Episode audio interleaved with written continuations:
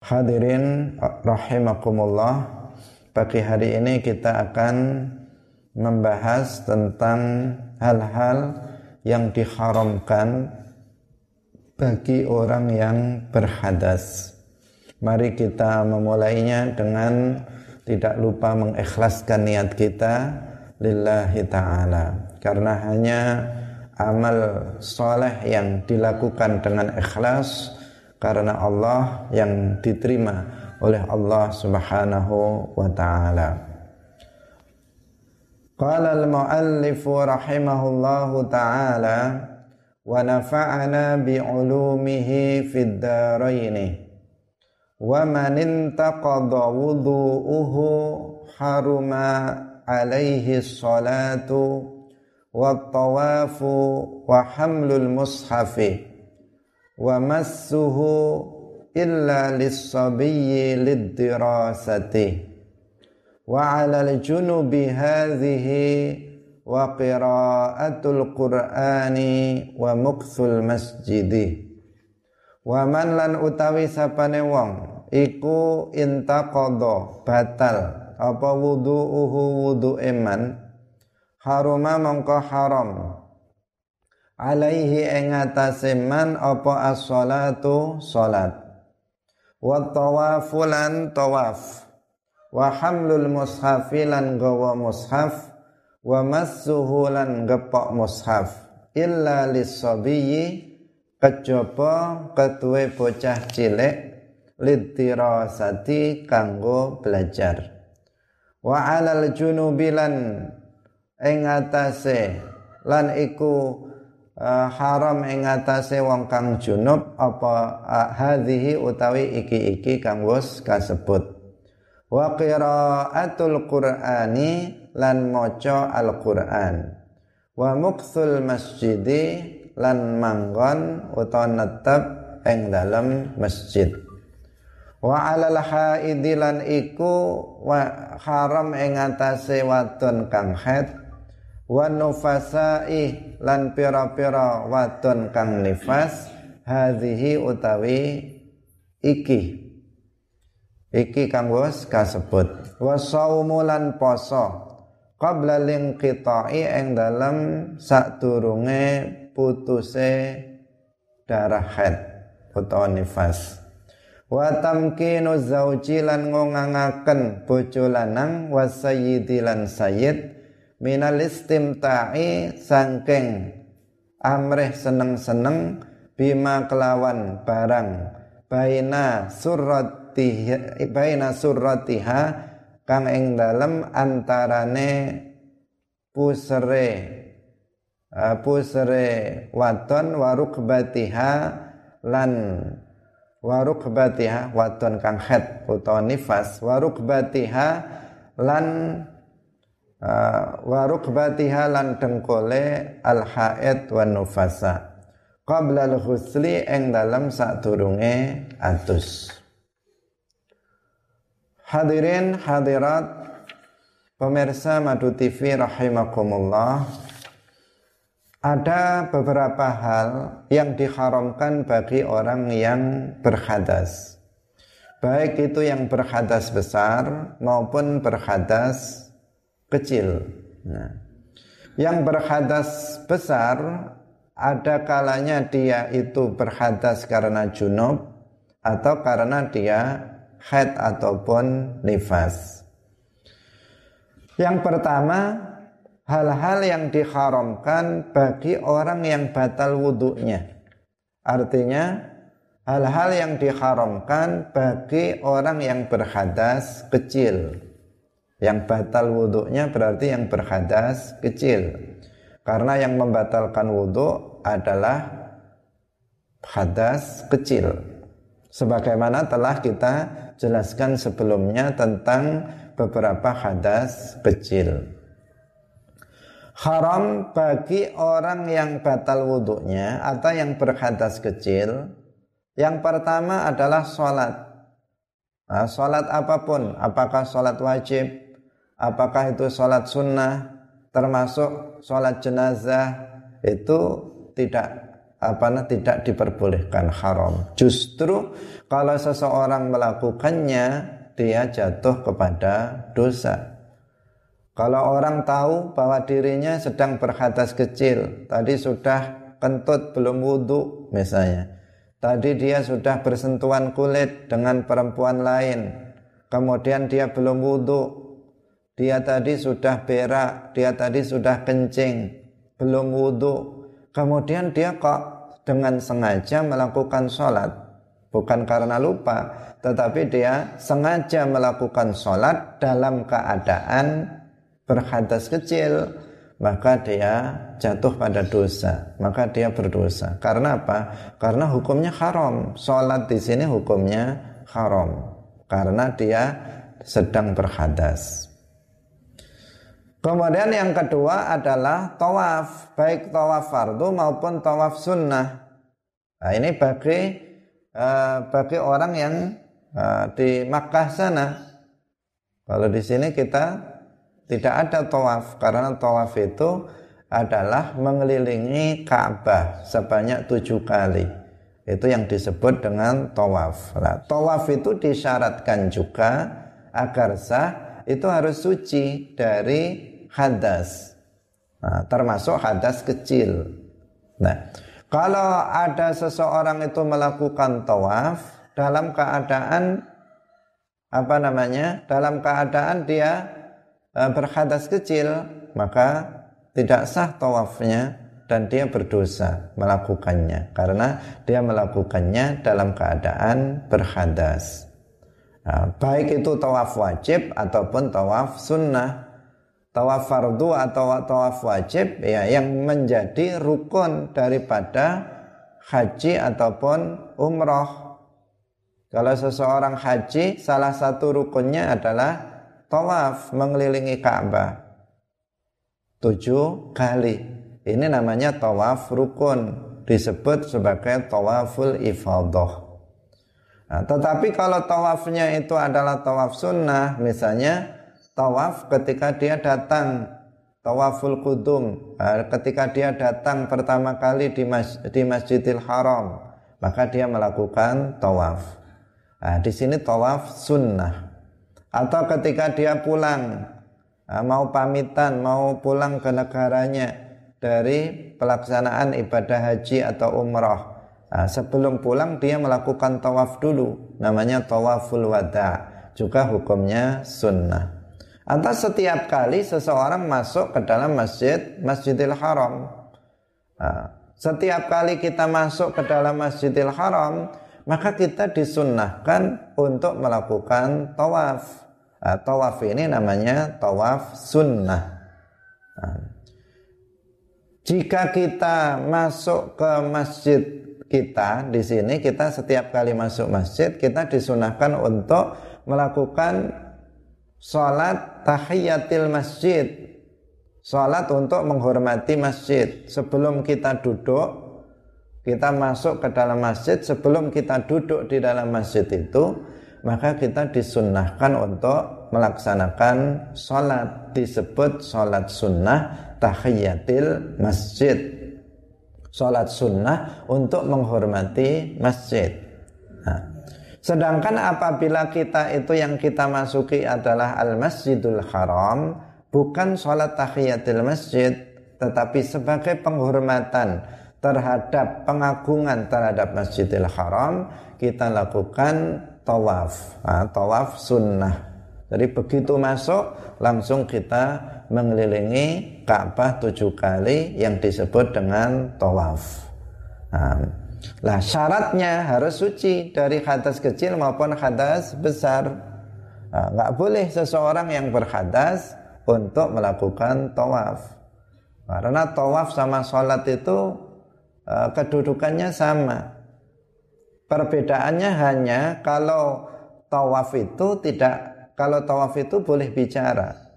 Tetapi kalau sholat itu tidak boleh berbicara. Kalau ada orang sholat berbicara batal sholatnya tetapi kalau seseorang itu uh, tawaf dia berbicara maka tawafnya tidak batal itu perbedaannya tadi dari sisi-sisi yang lain itu memiliki kesamaan dengan sholat. Maka sebagaimana sholat itu disyaratkan harus suci dari hadas, demikian juga dalam tawaf itu disyaratkan juga harus suci dari hadas.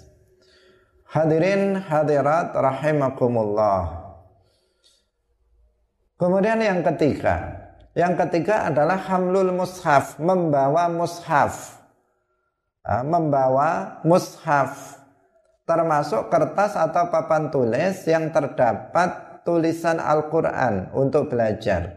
Maka di sini haram untuk disentuh dan dibawa. Jadi di sini yang ketika kita menyebut mushaf dalam masalah ini itu tidak terkhusus mushaf yang lengkap dari juz 1 sampai juz 30 yang lengkap mulai dari Al-Fatihah sampai An-Nas. Bukan terkhusus hanya itu. Itu apalagi. Tetapi tidak khusus untuk itu. Termasuk kalau kita menulis di dalam buku tulis misalnya ayat Al-Quran satu lembar. Maka itu hukumnya adalah hukum mushaf. Kita nggak boleh memegangnya tanpa wudhu. Nah, makanya kalau para santri, para pelajar hendaknya dia apa? Selalu selalu untuk dalam keadaan menjaga diri senantiasa dalam keadaan suci dari hadas. Nah, hadirin rahimakumullah. Jadi termasuk papan tulis seperti ini, misalnya kita menulis ayat Al-Quran di situ, maka itu hukumnya adalah hukum mushaf. Kita nggak boleh menyentuhnya, dengan demikian juga membawanya. Lah membawa di sini tidak mesti disentuh. Makanya di sini disen, disendirikan ada hamlul mushaf, ada masul mushaf.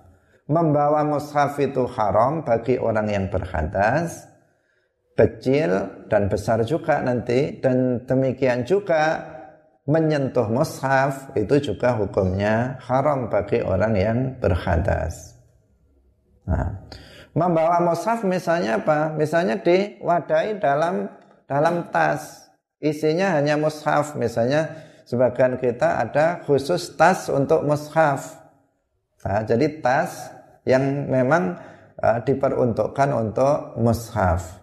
Kalau kita sedang berhantas nggak boleh kita bawa bawa mushaf itu. Meskipun apa? Diwadahi di dalam tas. Itu tidak diperbolehkan kalau seseorang sedang berhantas Berbeda halnya kalau misalnya nah, kalau misalnya seseorang itu di dalam tasnya itu ada misalnya buku-buku yang bukan nggak ada ayat Al-Qur'annya, nggak ada Al-Qur'annya, buku-buku biasa misalnya. Kemudian ada tas di situ. Eh, ada apa? Al-Qur'an juga di situ. Maka jika dia niatnya membawa Al-Quran, maka tidak boleh. Dia yang berhadas itu. Tetapi jika dia niatnya itu bawa uh, bawa buku-buku, maka itu tidak masalah. Nah, karena yang karena di sini tidak dia tidak berniat untuk membawa mushaf. Nah, hadirin yang dirahmati oleh Allah Subhanahu wa taala. Jadi membawa mushaf ini termasuk sesuatu yang diharamkan bagi orang yang berhadas kecil yang nggak punya wudhu. Kemudian yang berikutnya adalah menyentuh mushaf. Kalau tadi membawa mushaf, sekarang menyentuh mushaf. Menyentuh mushaf di sini artinya adalah menyentuh apa? Menyentuh semua yang terkait dengan mushaf tidak terbatas pada menyentuh tulisannya saja. Nah, termasuk menyentuh apa? Menyentuh uh, apa namanya covernya, misalnya disentuh covernya begini, samaknya, menyentuh samaknya meskipun nggak ada ayat Al-Qur'annya, misalnya dipegang begini, disentuh begini, maka ini apa? Tetap hukumnya haram. Termasuk menyentuh pinggirannya, Misalnya mushaf kan ada pinggirannya yang nggak ada tulisannya. Kita sentuh pinggirnya juga nggak boleh. Pokoknya yang bersambung dengan mushaf, maka kita nggak boleh untuk menyentuhnya. Bagi yang kita yang maksudnya kita yang berhadas. Pembahasannya sekarang adalah orang yang berhadas kecil.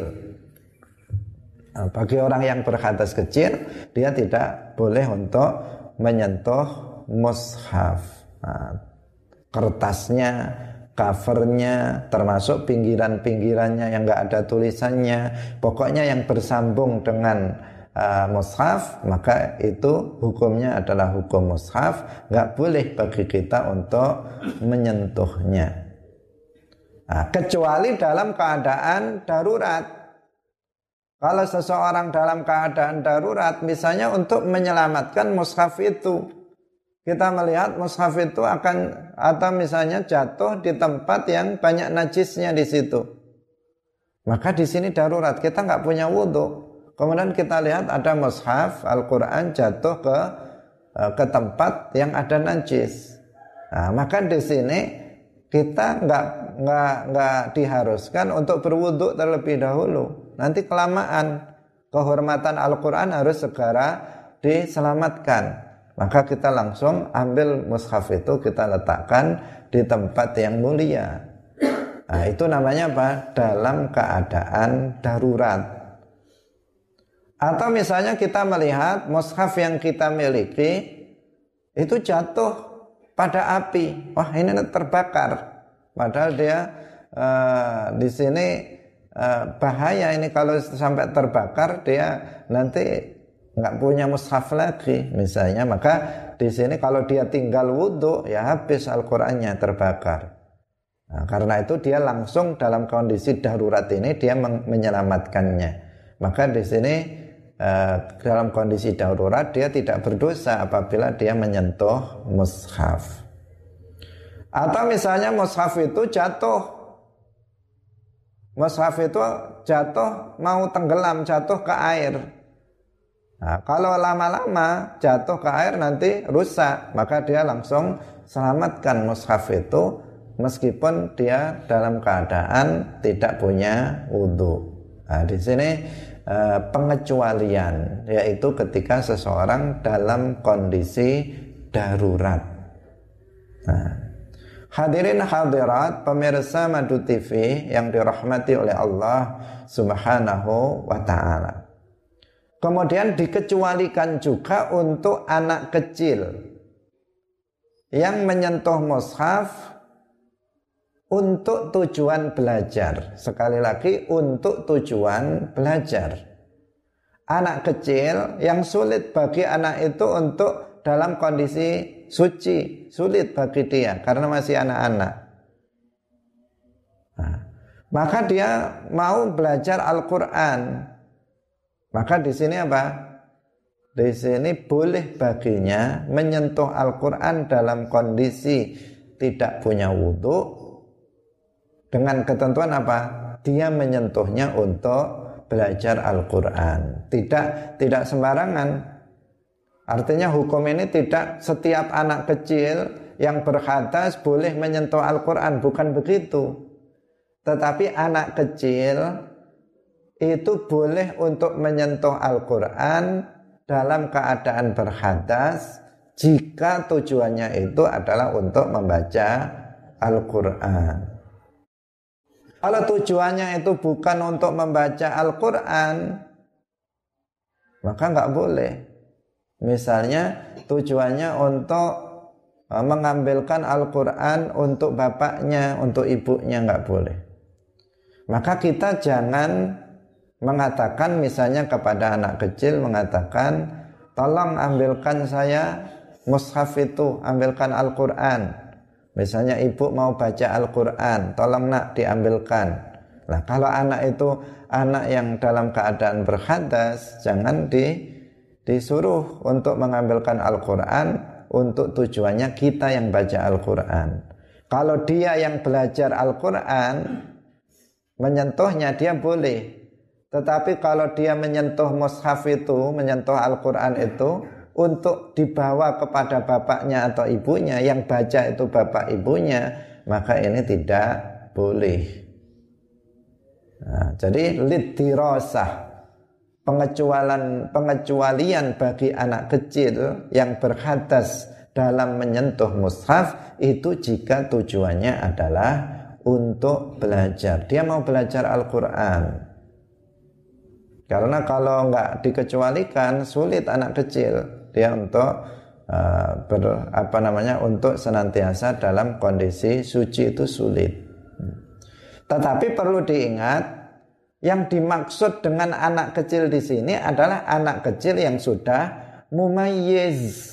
Jadi anak kecil yang sudah mumayyiz. Seperti yang sudah kita sampaikan sebelumnya, mumayyiz itu artinya anak kecil itu sudah memahami suatu perkataan dan bisa menjawab pertanyaan sederhana. Sudah beneh kalau bahasa kita itu sudah beneh kalau ditanya siapa bapakmu, siapa ibunya, itu dia sudah tahu, sudah paham dan tahu bisa menjawab. Itu namanya apa? Mumayyiz. Nah. Kalau anak itu sudah mumayyiz, dia dia mau belajar Al-Qur'an. Kemudian dia dalam keadaan berhadas, maka di sini boleh bagi dia untuk menyentuh mushaf. Tapi kalau anak itu belum mumayyiz, masih sangat kecil, masih umur setahun misalnya, maka jangan dibiarkan anak itu pegang-pegang mushaf, nyentuh nyentuh mushaf. Kalau kita melihat misalnya anak kita yang masih setahun, masih dua tahun, dia belum mumayyiz, jangan dibiarkan dia menyentuh mushaf. Kalau misalnya mau belajar Al-Quran, jangan menyentuh mushaf. Nah, jangan menyentuh mushaf ya. Pakai misalnya yang abatasa yang nggak ada Al-Qur'annya. Kalau yang apa namanya yang Al-Qur'an yang yang Al-Baghdadi itu misalnya yang depan abatasa di belakangnya ada juz amma itu Al-Qur'an. nggak boleh anak anak yang belum mumayyiz itu untuk menyentuhnya. Kalau dia sudah mumayyiz meskipun meskipun dia berhadas kecil, dia boleh menyentuhnya untuk belajar. Jika tidak untuk belajar, ya nggak boleh. Misalnya anak kecil sudah mumayyiz, nah, dia nggak nggak mau nggak nggak sedang belajar Al-Quran, kemudian dia pegang-pegang juz amma itu misalnya, atau pegang-pegang Al-Quran, maka nggak boleh kalau dia sedang berhadas. Nah, Nah ini rincian seperti ini kita harus pahami, harus pahami. Karena terkadang orang tua itu teledor. Anak kecil belum memayes, masih kecil, nah itu megang-megang mushaf. Itu nggak boleh. Pertama karena dia pertama dia tidak suci dari hadas. Yang kedua, ini bahaya dia bisa dibuang mushaf itu. Namanya saja nggak mumayyiz. Mumayyiz itu kan belum beneh dia Ya. Bisa Quran itu dibuang, bisa dijatuhkan, bisa dimakan bahkan atau bisa diinjak dan seterusnya. Maka jangan sampai mushaf ini diberikan kepada anak kecil yang belum mumayyiz. Dilarang, jangan, jangan, jangan disentuh nak misalnya. Nah, ini untuk anak kecil yang belum mumayyiz. Jika dia sudah mumayyiz, maka dia boleh menyentuhnya untuk tujuan belajar jika dia berhadas. Tapi kalau dia tidak berhadas, ya jelas itu boleh. Karena kalau anak itu sudah mumayyiz, kalau dia berwudhu, maka wudhunya sudah bisa sah. Nah, wudhunya sudah bisa sah. Kalau dia sudah mumayyiz. Nah, hadirin yang dirahmati oleh Allah Subhanahu wa taala. Ini yang keempat. Jadi empat hal ini yang disebutkan uh, sebagai sesuatu hal-hal yang diharamkan bagi orang yang berhadas kecil. Saya ulangi lagi, yang pertama adalah sholat. Yang kedua adalah tawaf. Yang ketiga adalah membawa mushaf. Yang keempat adalah menyentuh mushaf. Nah, kok ada membawa, ada menyentuh karena beda ya. Membawa itu belum tentu menyentuh. Menyentuh juga belum tentu membawa. Misalnya kita ada mushaf di sini, kita sentuh, kan nggak membawa ya. Tetapi menyentuh. Kalau membawa, dibawa begini, itu membawa. Lah membawa belum tentu disentuh juga. Nah, bisa jadi dia dimasukkan ke dalam tasnya, nah, kemudian dia membawanya. Nah, atau misalnya seseorang di, di, di, di, dibuntel uh, diberi alas apa kain misalnya kemudian dibawa. Itu membawa. Meskipun nggak menyentuh kalau dia berhadas maka tidak diperbolehkan. Nah, yang kita bicarakan ini adalah dalam madhab syafi'i. Nah, nanti kalau dalam madhab yang lain maka di sini ada perbedaan pendapat tentang masalah ini. Hadirin rahimakumullah Kemudian yang berikutnya adalah hal-hal yang diharamkan bagi orang yang junub. Orang yang junub yang dimaksud di sini yaitu orang yang mengeluarkan mani atau dia melakukan setelah melakukan hubungan suami istri. Berarti dikatakan dia junub. Nah, orang yang junub itu diharamkan empat hal yang tadi kita sebutkan haram bagi orang yang berhadas kecil. Jadi empat hal ini semua haram bagi yang junub juga. Yaitu apa? Salat tawaf membawa mushaf menyentuh mushaf. Ini juga haram bagi orang yang junub. Ini haram bagi orang yang berhadas kecil kemudian juga haram bagi orang yang junub. Empat ini. Tetapi ada tambahan. Kalau yang berhadas kecil itu empat itu tadi kalau orang yang junub ada tambahan dua. Ada tambahan dua berarti enam. Yang haram bagi orang yang junub itu enam. Yaitu ditambahi membaca Al-Quran meskipun hanya satu huruf. Kalau orang yang berkatas kecil tadi, dia membaca Al-Quran boleh tanpa menyentuh, tanpa membawa mushaf, dengan hafalannya, Orang yang berhadas kecil nggak punya wudhu, dia bisa membacanya. Boleh dia membacanya. Tapi kalau orang yang junub, dia nggak boleh membacanya juga. Menyentuh nggak boleh, membawa tidak boleh, membacanya juga tidak boleh. Meskipun hanya satu huruf dari Al-Quran. Nah. Tetapi keharaman membaca Al-Quran ini jika tujuannya adalah untuk membaca Al-Quran. Nah, jika tujuannya itu bukan untuk membaca Al-Quran, tetapi tujuannya adalah untuk zikir, maka di sini tidak diharamkan. Misalnya kita itu kan punya wirid. Setiap habis maghrib kita baca ayat kursi, kita baca apa namanya surat Al-Ikhlas, kita baca qul a'udzu birabbil falaq, qul a'udzu birabbin nas misalnya. Setiap hari kita baca itu habis maghrib dan juga habis subuh. Lah, kita membacanya untuk wirid, membacanya untuk zikir, bukan dengan niat membaca Al-Qur'an. Maka hukumnya bagaimana boleh bagi orang yang junub demikian juga bagi perempuan yang haid itu jika tujuannya adalah untuk zikir bukan bertujuan membaca Al-Quran maka itu hukumnya adalah boleh tidak diharamkan. Hmm. karena ada ayat-ayat ayat-ayat tertentu yang memang kita dianjurkan untuk membacanya. Misalnya sebelum tidur kita baca ayat kursi biar terjaga ah, biar dijaga oleh Allah dari gangguan setan dari gangguan manusia kejahatan manusia kita baca. Nah, itu apa namanya?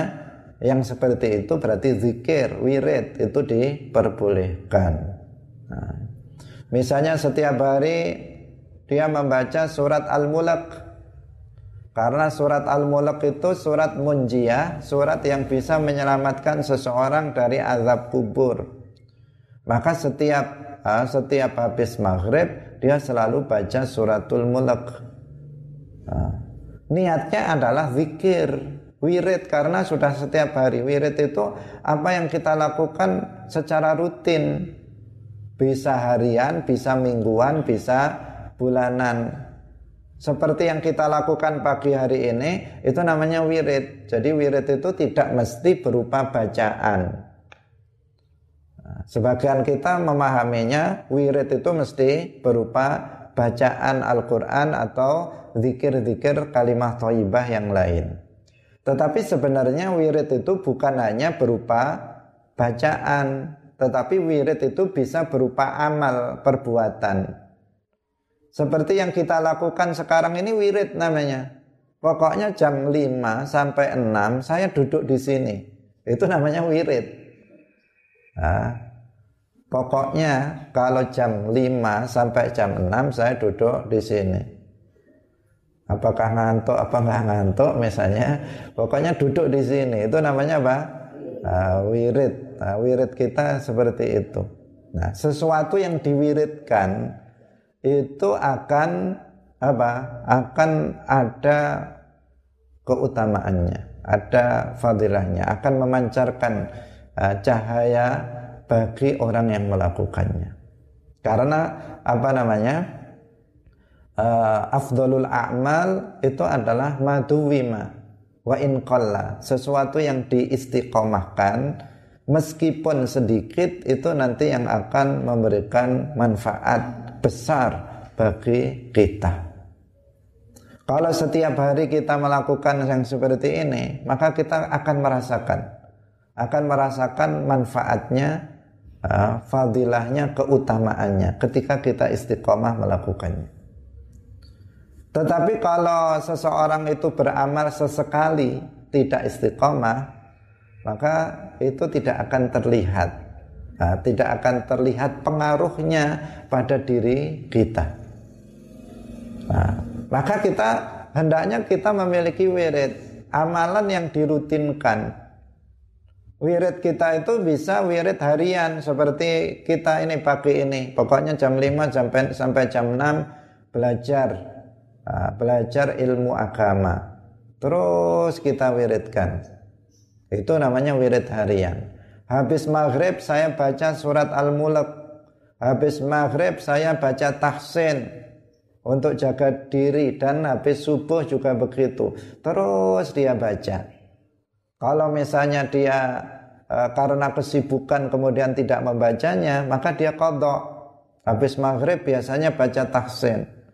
Ini karena sangat sibuk sehingga nggak sempat Nanti jam 10 baru longgar. Wah, tadi saya belum baca taksin. Maka sekarang saya uh, saya kodok. Nah, itu namanya bah wirid. Wirid itu begitu. Bahkan kalau dia ketinggalan membacanya, dia bisa mengkodoknya. Nah, taksin itu wiritan, wirid untuk jaga diri. Isinya seperti uh, ya seperti ayat kursi, seperti uh, muawidhatain. Itu namanya apa? Uh, zikir tahsin. Nah, untuk jaga diri kita dari gangguan jin dan uh, manusia kejahatan manusia apa pun Allah menjaga dengan sebab apa namanya uh, bacaan-bacaan yang kita baca. Ada wirid yang mingguan misalnya setiap malam Selasa saya ngaji itu wirid. Apa pun kalau nggak nggak mendesak saya tinggalkan karena ini wirid saya. Wirid saya adalah setiap malam Selasa misalnya habis maghrib saya ikut pengajian di majelis taklim Baitul Iman misalnya. Nah, dia seperti itu wiridnya. Kalau misalnya nggak mendesak, yang jangan di, ditinggalkan. Namanya wirid ini. Kalau kamu tinggalkan maka kamu akan ini, ini nanti wiridnya hilang. Karena wirid itu di, dituntut kita untuk istiqomah terus menerus melakukannya. Dan sesuatu yang istiqomah itu akan menjadi mudah bagi seseorang. Nah, sesuatu yang tidak istiqomah itu berat bagi seseorang. Kalau sudah istiqomah itu menjadi mudah. Ada sesuatu yang janggal apabila kita meninggalkannya. Nah, berbeda yang sekali-kali. itu malah janggal kalau kita melakukannya. itu kalau apa? Kalau tidak istiqomah. Karena itu penting istiqomah mingguan. Apa namanya wirid mingguan. Ada wirid bulanan. Setiap bulan uh, misalnya ahad ini saya di, begini. Ini yang saya lakukan. Saya setiap Jumat misalnya baca kalau mingguan baca Yasin itu wirid mingguan. Setiap bulan Jumat ke pertama misalnya saya baca Al-Kahfi misalnya. Itu namanya wirid bulanan atau bisa wirid tahunan. Yang penting uh, yang dikerjakan selalu sesuai dengan waktu yang telah dia tentukan dan amalan yang sama itu namanya wirid. Nah, setiap orang itu hendaknya memiliki wirid, jangan sampai tidak. Jangan sampai tidak, meskipun ini tidak wajib, tetapi hendaknya kita memiliki wirid agar memberikan manfaat pada diri kita. Sekecil apa pun, serendah apa pun, nah wiridnya itu bisa bermacam-macam tadi. Misalnya orang itu kok nggak pernah wiritan wiritan duduk dengan memutarkan tasbihnya. Iya, wiritannya lain, bukan wiritan itu. Karena setiap orang memiliki wirid sendiri-sendiri. Nah, yang wiritan itu tidak mesti berupa bacaan, bisa berupa amalan, bisa berupa puasa. Kalau kamu misalnya puasa setiap Senin dan Kamis, itu namanya wirid. Pokoknya Senin saya puasa, pokoknya Kamis saya puasa. Nah, itu namanya apa? Wirid, wiritan. Jadi wirid itu tidak mesti berupa bacaan, bisa berupa amaliyah. Tergantung mana yang kita sanggup, mana yang kita bisa melakukannya secara rutin. Itu yang kita lakukan. Hmm. Nah, itu luar biasa nanti akan memberikan hikmah, memberikan manfaat yang luar biasa pada kehidupan kita. Nah, hati menjadi apa namanya tenang, hati menjadi terang dengan sebab amaliyah yang kita rutinkan yang disebut dengan wirid tadi. Nah, kita kembali kepada permasalahan. Kalau seseorang memiliki wirid, misalnya baca ayat kursi setiap mau tidur, baca ayat kursi setiap habis maghrib, baca ayat kursi setelah uh, setelah apa namanya subuh misalnya, baca surat al-mulk habis maghrib, kemudian dia dalam keadaan junub atau dalam keadaan haid, maka dia di sini jika itu niatnya bukan membaca Al-Qur'an tetapi niatnya adalah untuk zikir maka diperbolehkan. Tanpa menyentuh Al-Qur'an tanpa membawa Al-Qur'an dia membacanya saja. Itu diperbolehkan